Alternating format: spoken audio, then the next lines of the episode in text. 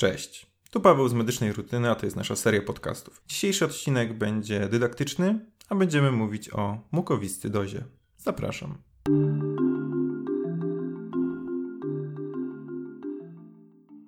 To już kolejny odcinek dydaktyczny, ten chyba będzie troszeczkę dłuższy, ale mam nadzieję, że, że dam radę sobie z tym poradzić. I jeszcze taka informacja poza tematem. Jeżeli Wam się podoba, ten podcast, słuchacie go, napiszcie mi o tym na Instagramie, z chęcią o tym, e, z chęcią to przeczytam. Natomiast jeżeli się Wam nie podoba, uważacie, że coś można poprawić, coś zrobić lepiej, też mi to napiszcie.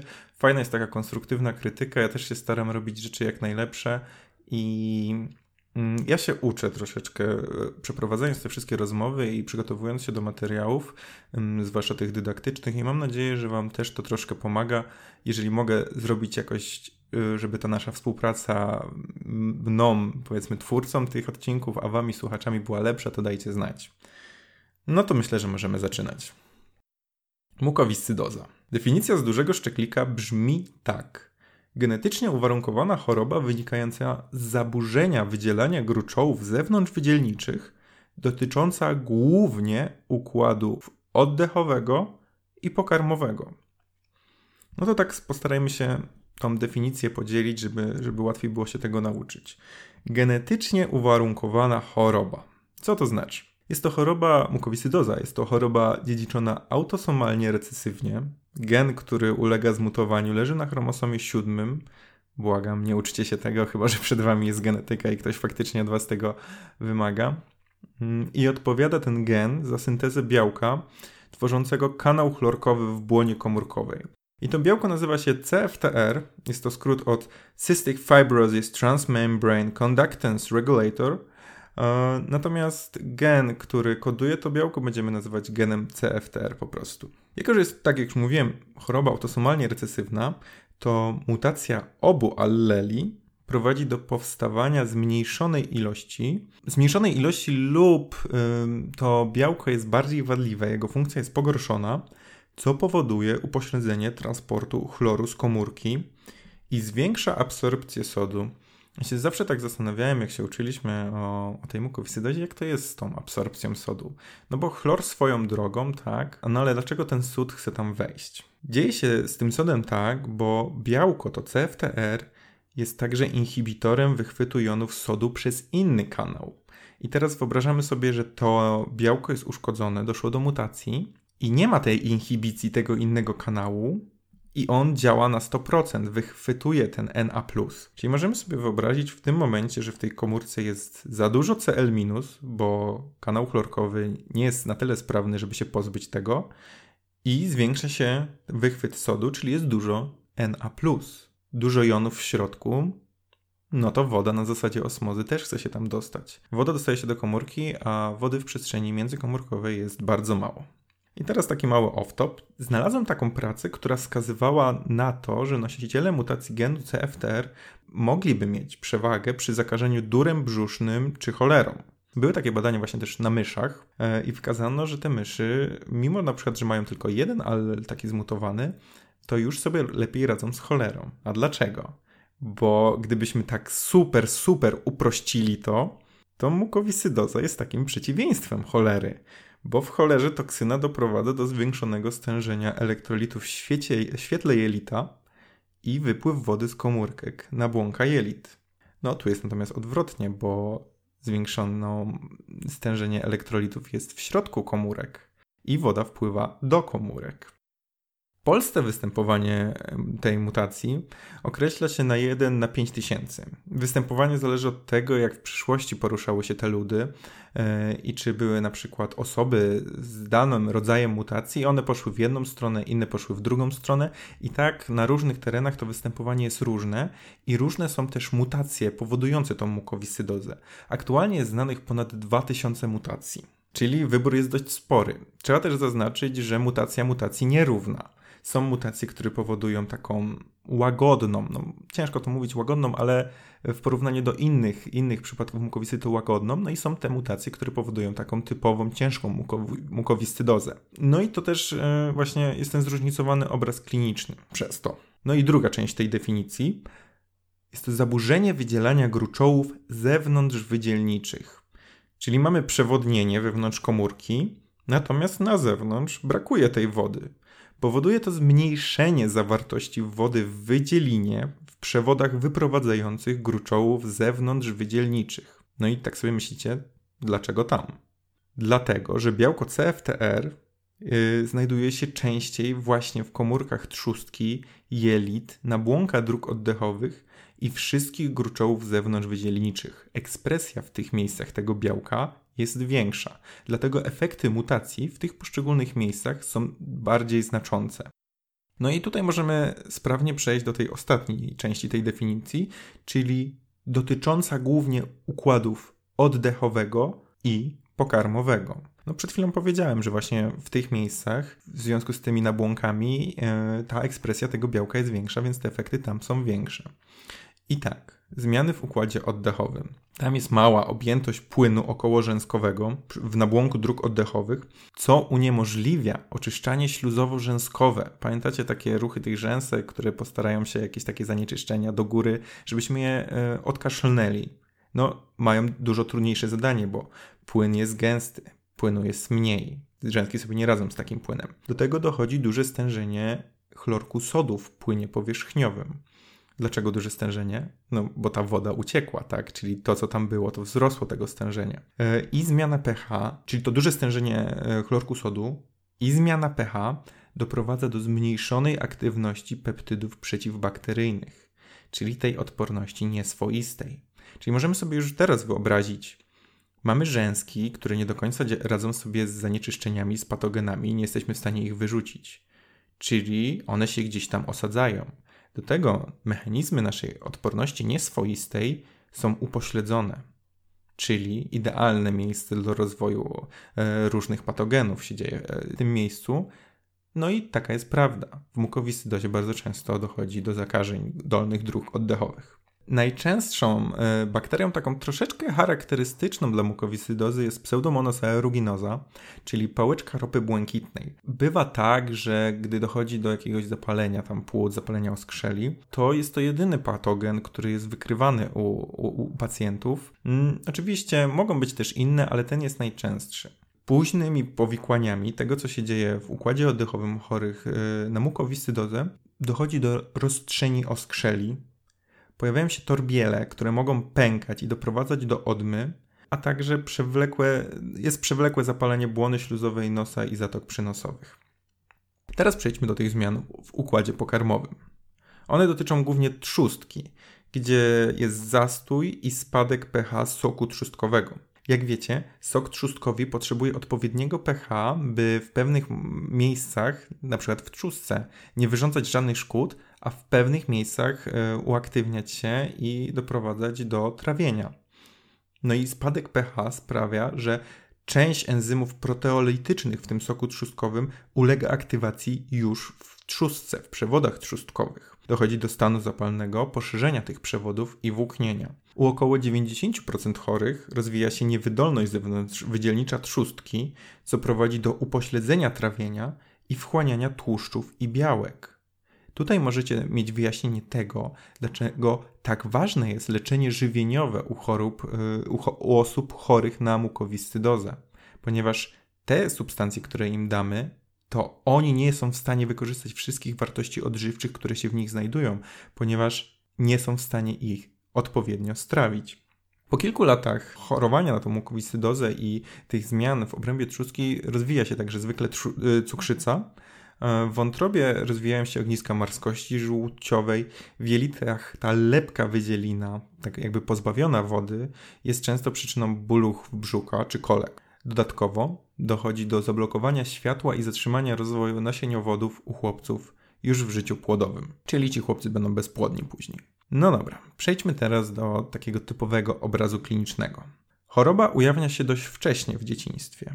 Może być tak, że jest noworodek i dochodzi do niedrożności smułkowej, już praktycznie wiemy, że to jest mukowiscydoza, ale są, tak jak mówiłem wcześniej, też te mutacje dosyć łagodne, gdzie na przykład pacjent dowiaduje się, że ma mukowiscydozę w wieku 15-18 lat. I takim charakterystycznym objawem jest kaszel z wykrztuszaniem gęstej, ropnej wydzieliny. Patrząc na to, co mówiłem wcześniej, wiemy dlaczego kaszel.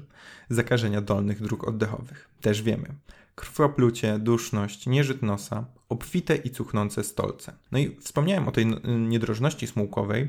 Ona występuje u noworodków. Noworodek nie jest w stanie sobie poradzić z tą smułką. Smułka powinna zostać wydalona prawidłowo do 48 godzin po porodzie. Ona składa się z wód płodowych, żółci, złuszczonych nabłonków i ze względu na ten niedobór enzymów trzustkowych już w tak młodym wieku smułka nie jest w stanie jakby na tyle strawione te rzeczy, żeby one mogły swobodnie przejść przez jelita. I ona zatyka światło jelita i dochodzi do niedrożności. Niedrożność to jest bardzo poważny stan. I tutaj jest pilna interwencja, trzeba się takim e, noworodkiem szybko zająć, bo też dużo zgonów osób e, chorych na mukowiscydozę już jest związane od małego z tą niedrożnością smułkową i jej powikłaniami. Też nie zawsze ta niedrożność smułkowa, e, o czym mało osób wie, jest związana wyłącznie z mukowiscydozą. Mukowiscydoza odpowiada za około 80% tej niedrożności, ale inne przyczyny to na przykład tam aplazja trzustki, wady wrodzone i zaburzenia motoryki jelit I mogą być też zakażenia płodów, wpływać na tą niedrożność smułkową. Tak jak mówiłem wcześniej, e, jest problem z tym trawieniem, dlatego dochodzi do utraty masy ciała. No i wiemy też, że utrata masy ciała sprzyja zakażeniom. Te osoby są bardziej podatne, ich układ odpornościowy jest osłabiony. Innym objawem e, częstym u osób chorych na mukowiscydozę są nawracające ostre zapalenia trzustki. Teraz przejdźmy do badania osłuchowego takich osób. No wiemy, że w tych płucach już się dużo dzieje. Także zmiany osłuchowe, jakie jesteśmy w stanie wysłyszeć u takich pacjentów, to furczenia,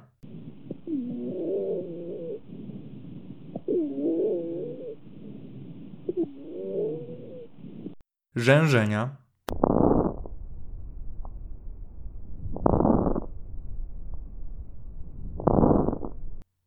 świsty.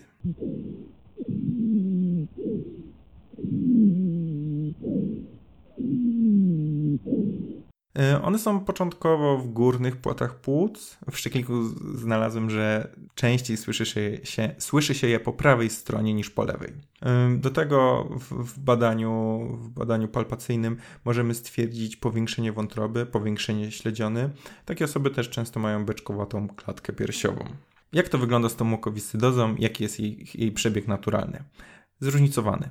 Są te mutacje łagodne, tak jak mówiłem, są te mutacje mm, gorsze i to też sprawia, że ta średnia długość życia jest y, różna w zależności od tego, na jaką, y, jaki typ mutacji y, odpowiada za mukowiscydozę u danego pacjenta. Ale tak, w 1930 roku średnia długość życia to było 5 lat. W Polsce aktualnie jest to 21 lat. Natomiast są też pacjenci, którzy mają na tyle łagodne te mutacje, że dożywają powyżej 40 lat i ta średnia długość życia mm, rośnie w przypadku każdej mutacji, bo rozwija się medycyna, jesteśmy w stanie łatwiej leczyć, a bardziej łagodzić e, i objawy i powikłania tej choroby. Najczęściej e, do śmierci dochodzi wskutek właśnie powikłań niedrożności smułkowej, a także to już w późniejszym wieku, gdy dochodzi do destrukcji oskrzeli z zajęciem mięszu płuc i niewydolności oddechowej. No i teraz Przejdźmy do tego, jak rozpoznać taką mukowiscydozę. W całej Polsce mamy badania przesiewowe noworodków, które ma czułość 96%. Muszę przypomnieć tutaj, że czułość testu to stosunek wyników prawdziwie dodatnich do sumy prawdziwie dodatnich i fałszywie ujemnych. To jest bardzo ważne i jak macie się czegoś nauczyć z tego, z tego podcastu, to błagam, nauczcie się tego, co to jest właśnie ta czułość, po to się wam przyda wszędzie. No i tak, w trzeciej dobie życia pobiera się krew spięty na taką specjalną bibułę, i oznacza się stężenie IRT. Jest to immunoreaktywna trypsyna. Jeśli wynik wyjdzie powyżej normy, no to tu już mamy pewne takie obawy i chcemy oznaczyć y, mutację genu CFTR. No i tak jak mówiłem, nie oznaczamy już od razu wszystkich tych mutacji, bo ich jest 2000, czyli wybieramy te mutacje, które są najczęstsze w Polsce. Teraz powiem coś, czego nie jestem pewien, ale wydaje mi się, że w Polsce oznacza się około 16 tych mutacji. Jeżeli tu by nie wyszło, że jest taka mutacja, a objawy kliniczne wskazywa wskazywałyby faktycznie na to, że to może być mukowiscydoza, wtedy ten panel poszerza się jeszcze bardziej. Mamy też badania pomocnicze, które nam pozwolą określić tą mukowiscydozę, upewnić się, że to jest ona, e, ale to zazwyczaj już w starszym wieku, nie, nie takie noworodki. Oznaczamy stężenie jonu chlorkowego w pocie, robimy badania czynnościowe, płuc, spirometrię, robimy badania obrazowe. Taki rentgen średnio nam pomoże, natomiast super jest e, tomografia komputerowa wysokiej rozdzielczości, tam pięknie wyglądają, no pięknie jak pięknie, nie możemy tutaj mówić, czy to akurat jest piękne, ale bardzo ciekawie wyglądają te obrazy płuc chorych na mukowiscydozę. Mogę tylko powiedzieć, że dużo się dzieje i w moim dużym przykliku też było takie obrazowe zdjęcie, jak to wygląda tam. Mm, rozpoznanie ustalamy, gdy, no wiadomo, wykażemy mutację obu alleli CFTR, tak, znajdziemy tą mutację, która powoduje, powoduje mukowiscydozie w naszej bazie, lub gdy stężenie jonu chlorkowego w pocie jest większe niż 60 mmol na litr, lub gdy nieprawidłowy wynik pomiaru przez nabłonkowej różnicy potencjału w błonie śluzowej nosa nam wyjdzie. No i też mm, jakbym miał jedno z tych rozpoznań, oczywiście tej mutacji alleli CFTR, to nie możemy się tutaj przyczepić, bo to, bo to jakby od razu nam mówi, że, że, że jest ta choroba. No ale odnośnie tych innych to i, i zbadałbym klinicznie i zrobiłbym te dodatkowe badania, żeby mieć taką stuprocentową pewność. Teraz przejdźmy do leczenia. Jak możecie się domyślić, leczenie takiej choroby genetycznej nie jest proste, więc staramy się złagodzić objawy i zapobiec powikłaniom. Musimy oczyszczać te drogi oddechowe, utrzymywać prawidłowe odżywienie, leczyć zakażenia bakteryjne, ale też im zapobiegać, ograniczać nadmierny stan zapalny. Jak oczyszczać te drogi oddechowe? No jest fizjoterapia, kilka razy dziennie. Oklepywanie, wibracje klatki piersiowej, techniki efektywnego kaszlu. Dlaczego? Im więcej śluzów wyrzucimy, tym mniej podatni na zakażenia są ci pacjenci bo te rzęski zostają trochę odciążone, są w stanie troszeczkę same sobie poradzić. E, no ten śluz też jest świetną pożywką dla bakterii, więc pozbawiamy e, tych bakterii tej pożywki. Leczenie dietetyczne, bardzo ważne. Dieta bogato białkowa, bogato tłuszczowa, bogato kaloryczna. Pompujemy w tych, w tych pacjentów dużo takich mocnych, no, no nie mówimy posiłków, bo też w zależności jakim ktoś jest w stanie, mogą być to nutri-drinki i tak dalej. No ale się zastanawiacie w tym momencie, ej, no ale kurde, przecież tam trzustka nie pracuje, jak oni będą to trawić. No właśnie, do tych posiłków dodajemy enzymy. Enzymy trzustkowe, one są tam rozpisane, ile tam przed posiłkiem trzeba je brać, by to wszystko fajnie się trawiło. No i jeszcze witaminy. Jak wiecie, niektóre witaminy rozpuszczają się tylko w tłuszczach, dlatego dodatkowa suplementacja witamin w przypadku, gdy mamy zaburzenie trawienia tłuszczy, jest konieczna. Jak sobie radzić jeszcze z tym śluzem zalekającym w naszych no, w oskrzelach pacjentów? mamy leki mukolityczne. Mukolityczne. Muko, śluz, lityczny, destrukcja tego śluzu. I są takie leki jak Dornaza alfa, ją się inhaluje. Ona pozwala na zmniejszenie lepkości ropnej wydzieliny poprzez degradację enzymatyczną DNA. Dzięki temu, że ona jakby wnika w strukturę tego śluzu, ten śluz staje się taki bardziej zdolny do przesuwania się i zdolny do odprowadzenia. I także po aplikacji tej Dornazy mm, to na przykład y, dużo lepiej działa klepywanie i pozbywanie się tego śluzu. Inhalacja hipertonicznego NaCl właściwie polega na tym samym, znaczy no cel jest ten sam. O to mi chodzi, że mm, sprawia, że poprawia się to usuwanie tej wydzielniny i drożność oskrzeli. No i mamy też monitor drobnocząsteczkowy, on tak samo jak NaCl. Chodzi o ich działanie osmotyczne. No, co jeszcze możemy takiemu pacjentowi zaproponować? Leki rozkurczające oskrzela. Te oskrzela często są takie zatkane, w nich jest śluz, ich światło jest małe. Chcemy jak najbardziej rozszerzyć. Tylko mm, wiecie, to nie jest tak jak w astmie, że dajemy je cały czas i, i, i liczymy na to, że, że będzie dobrze bo tutaj jest zupełnie inny mechanizm i tutaj rozszerzeniem, e, rozszerzenie e, oskrzeli to nie jest przeciwdziałanie chorobie jako takiej stricte, tylko ono ma jakby zrekompensować zmniejszenie tego światła tych oskrzeli przez ten zalegający śluz. Czyli na przykład dajemy beta-2 mimetyki, kiedy jest zaostrzenie, kiedy już jest trudność oddychania, nie dajemy ich jakby tak no, w normalnej terapii, no chyba, że są jakieś tam wskazania i często przed inhalacją mukolity, mukolityku czy fizjoterapią. No i możemy sobie teraz wyobrazić. Dajemy beta-2 mimetyk, oskrzele się rozkurczają, zwiększa się ich światło.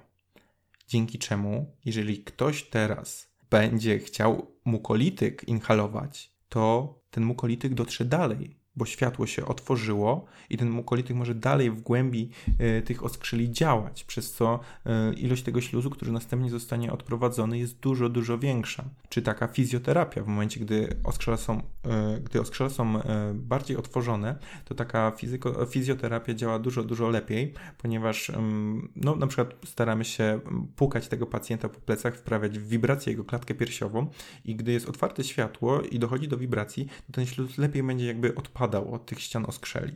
Dobrze, co jeszcze? GKS-y wziewne. To jest tak, że wiecie, GKS-y są bronią obosieczną i często musimy walczyć z powikłaniami ich. To jest tak, że można je rozważyć, bo one będą działały podobnie jak beta-2 mimetyki, ale u tych osób, którym, którzy, które mogą mieć taką nadreaktywność oskrzeli, może nawet nie w związku z mukowiscydozą, ale gdzieś tam takie, tacy się urodzili i te nadreaktywne oskrzela mają. Czyli damy GKS-y, no to części osób to pomoże, bo te nadreaktywne skrzela y, trochę się rozszerzą, ułatwi to, tak jak mówiłem wcześniej, w jakim mechanizmie, ale nie dajemy ich y, rutynowo każdemu pacjentowi, no bo tym, czego najbardziej się obawiamy u pacjentów z mukowiscydozą, to są te zakażenia, które po, zupełnie pogarszają ich sytuację. No a GKS, jak wiemy, działają immunosupresyjnie i sprzyjają takim zakażeniom, zwłaszcza gdy mielibyśmy je inhalować w miejsce, w którym dokładnie rozwijają się te wszystkie bakterie.